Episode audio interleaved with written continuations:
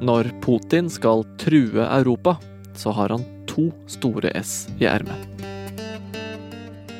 Det ene er atomvåpen. Det andre er pumpingen av milliarder av kubikkmeter med russisk gass gjennom store rørledninger. For den gassen er Europa helt avhengig av.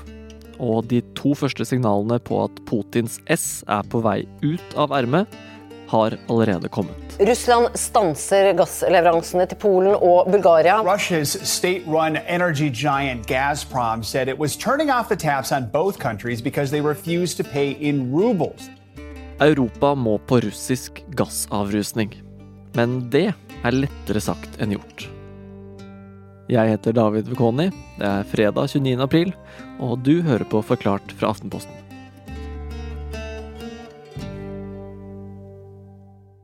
Norge er jo selvforsynt med det vi trenger av strøm og, og, kraft, fordi vi har eh, mye vannkraft og vi har uh, olje- og gassproduksjon. Kjetil Alstaheim er politisk redaktør her i Aftenposten. I Europa så er det annerledes. EU-land de er uh, avhengig av en mann som gjerne kalles gudfaren av gass. Altså den russiske presidenten Vladimir Putin. EU e får mellom 40 og 45% av gassen sin fra Russland. Og det skaper et problem for EU-landene nå. Og to av eh, de europeiske landene som har kjøpt mye gass fra Russland, er Polen og Bulgaria. Men det ble det en brå slutt på nå. Ja, nå har eh, Russland skrudd igjen krana, sagt at uh, de får ikke mer gass. Hvorfor det? Dette handler om krigen i Ukraina og hvordan Russland svarer på sanksjonene fra EU og Vesten. Det president Vladimir Putin har bestemt, er at de som er uvennlige, som man sier, da, eller Russland sier, mot Russland, de må betale gassregningene sine med rubler, altså den russiske valutaen. Disse kontraktene er i euro og dollar, men nå skal de ha oppgjøret i rubler. Og det vil altså ikke eh, Polen og Bulgaria gjøre, så nå er det stopp på gassen. Hvilke konsekvenser får det for de to landene, da? Det er jo dramatisk eh, når man kutter eh, tilgangen på gassen på den måten. Og så har Polen forberedt seg på at dette kunne skje. De har fylt opp lagrene sine, så det er ikke en akutt situasjon for dem. I Bulgaria så utgjør gass en litt mindre andel av kraftbehovet, sånn at det er heller ikke akutt der. Men Bulgaria vil trenge andre leverandører, en annen kilde for å få gass. Polen vil trenge gass fra andre. Sånn at selv om det ikke er krise med en gang, så er det dramatisk for de to landene, samtidig som det sender et ganske skummelt signal for andre EU-land, ikke minst Tyskland, i tilfelle dette også vil skje med dem. Og hvis Russland skrur igjen krana for flere, så kan det bli dyrt for Europa. For det er ikke bare Polen og Bulgaria som trenger russisk gass. Kontinentet er rett og slett avhengig, og det blir aller tydeligst når vi ser på landet som kjøper mest Tyskland. Ikke sant det, Aftenposten-journalist Ingrid Brekke? Jo, Tyskland er jo fortsatt en, en, industriprodusent, trenger all eh, den billige energien de kan få, og er Europas økonomiske motor. Eh, de har jo mange former for energi, men gass er veldig viktig, og halvparten av gassen sin kjøper de fra Russland. Halvparten av tyske hjem varmes opp av gass, men det skulle man nok klart å gjøre noe med. Det som er fryktelig vanskelig, er at industrien eh, til dels er kobla direkte opp på gassforsyninga fra Russland. Og nå som Russland klemmer lett på gassledningen sin, ser Tyskland og Europa hvor avhengige de faktisk er. Og hvor store problemer de kan få. Det kan faktisk være en bra ting.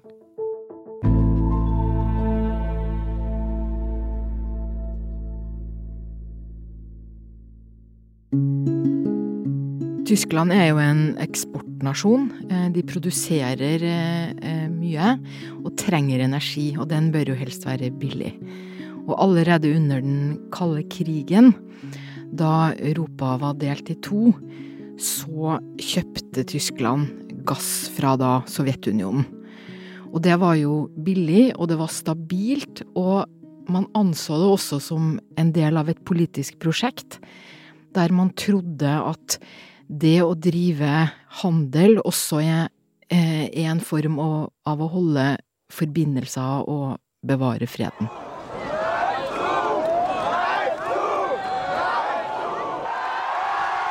Etter at Berlinmuren falt og Sovjetunionen etter hvert ble oppløst, så ble det slutt på kald krig. Men Tysklands gasskjøp og samarbeidet med Russland fortsatte.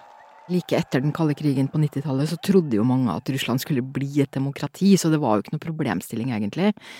Og da eh, man etter hvert begynte å se at Russland utvikla seg i en annen retning, så fortsatte man å tro på det som på tysk heter Wandel durch Handel, altså at man bidrar til endring gjennom å drive business med noen, altså forandring gjennom handel.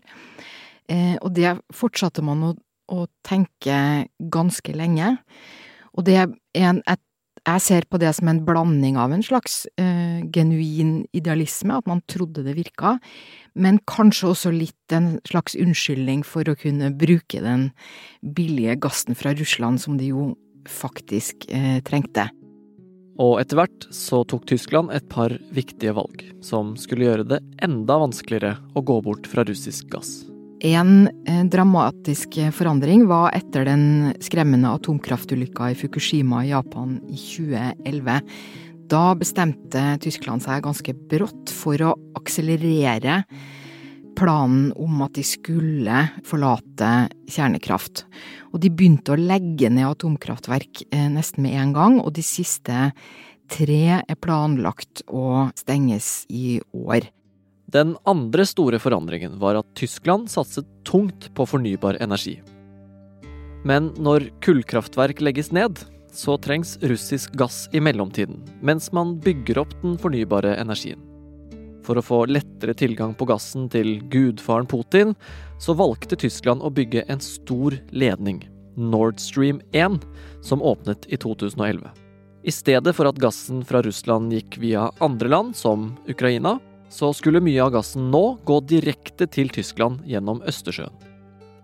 Og så, i 2014, så annekterte Russland Krim, og like etter det så bestemte Tyskland at de også skulle bygge en Nord Stream 2, altså en gassrørledning som skulle gå parallelt eh, med denne, igjen da direkte eh, mellom Russland og Tyskland, og det skapte voldsomt rabalder, både internasjonalt og også delvis nasjonalt.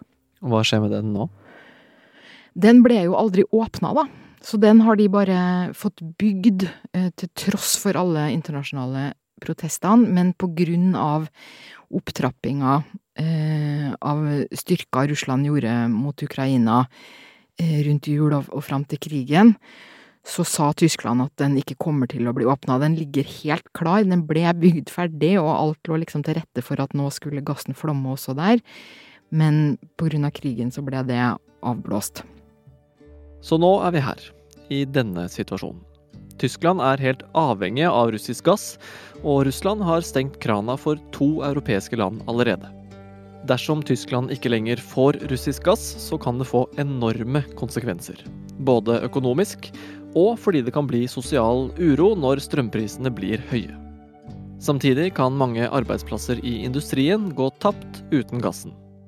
Mange i Tyskland er jo likevel villige til å godta en god del problemer, fordi de ser jo de samme bildene fra Ukraina som vi ser, og syns jo det er helt forferdelig å tenke på at de er med på å finansiere eh, denne krigen gjennom at de betaler for eh, gassen sin.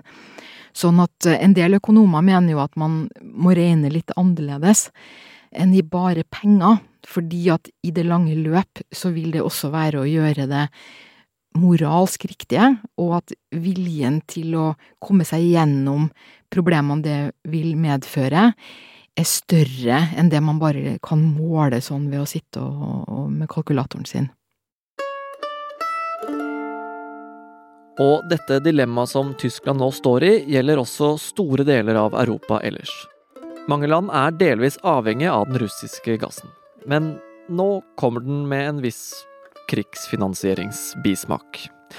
Kjetil Alstheim, hvordan passer russisk gass inn i Putins krigsplaner? Det vi så i høst, var at Russland oppførte seg på en litt annen måte. Gazprom, som er det russiske gasselskapet, holdt igjen på tilførselen av gass til Europa, sånn at lagrene i EU ikke ble fylt opp. Det skapte ganske stor usikkerhet. Hva er det Russland holder på med?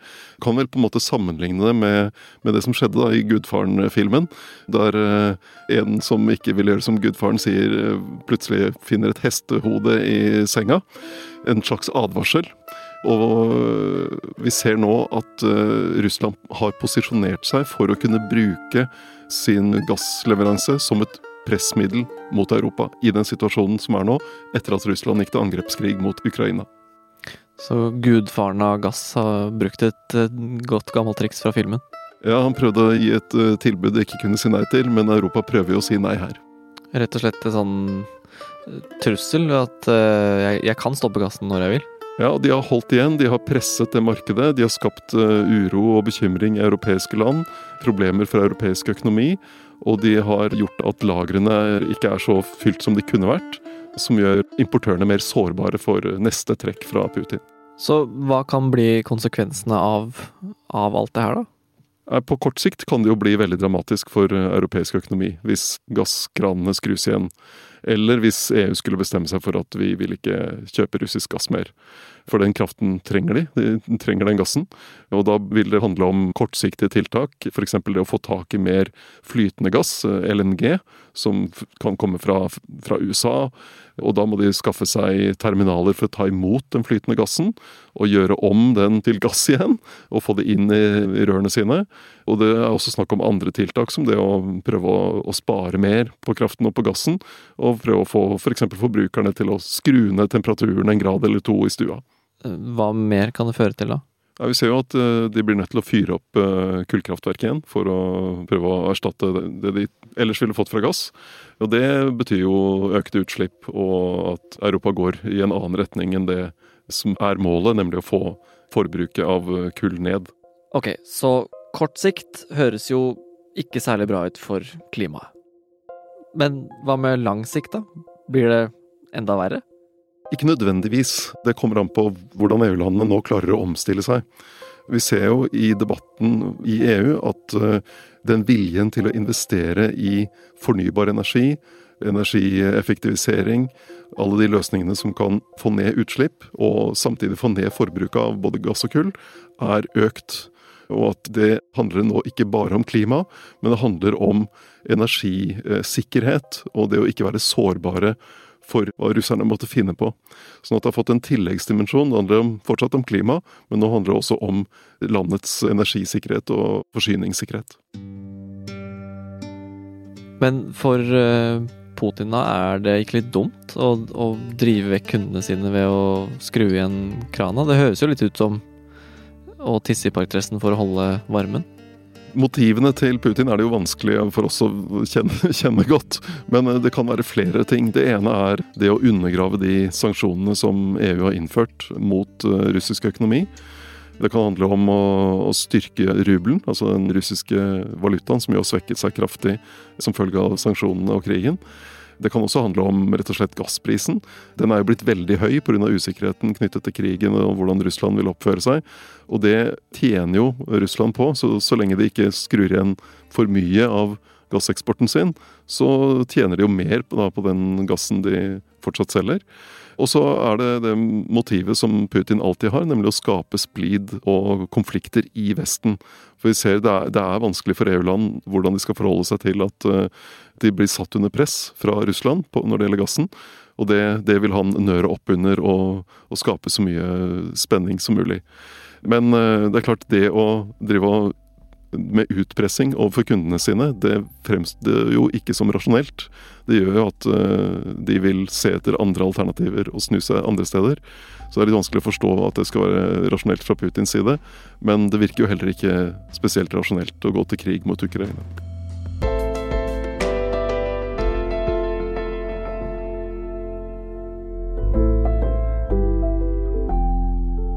Det var Kjetil Alstaheim og Ingrid Brekke som forklarte Europas gassavhengighet. Lyden hørte var fra NRK, NBC og nyhetsbyrået AP. Det er produsent Fride Næss Nonstad og meg, David Vekoni, som har laget denne episoden. Og resten av Forklart er Anders Weberg, Anne Lindholm, Marte Spurkland og Synne Søhol.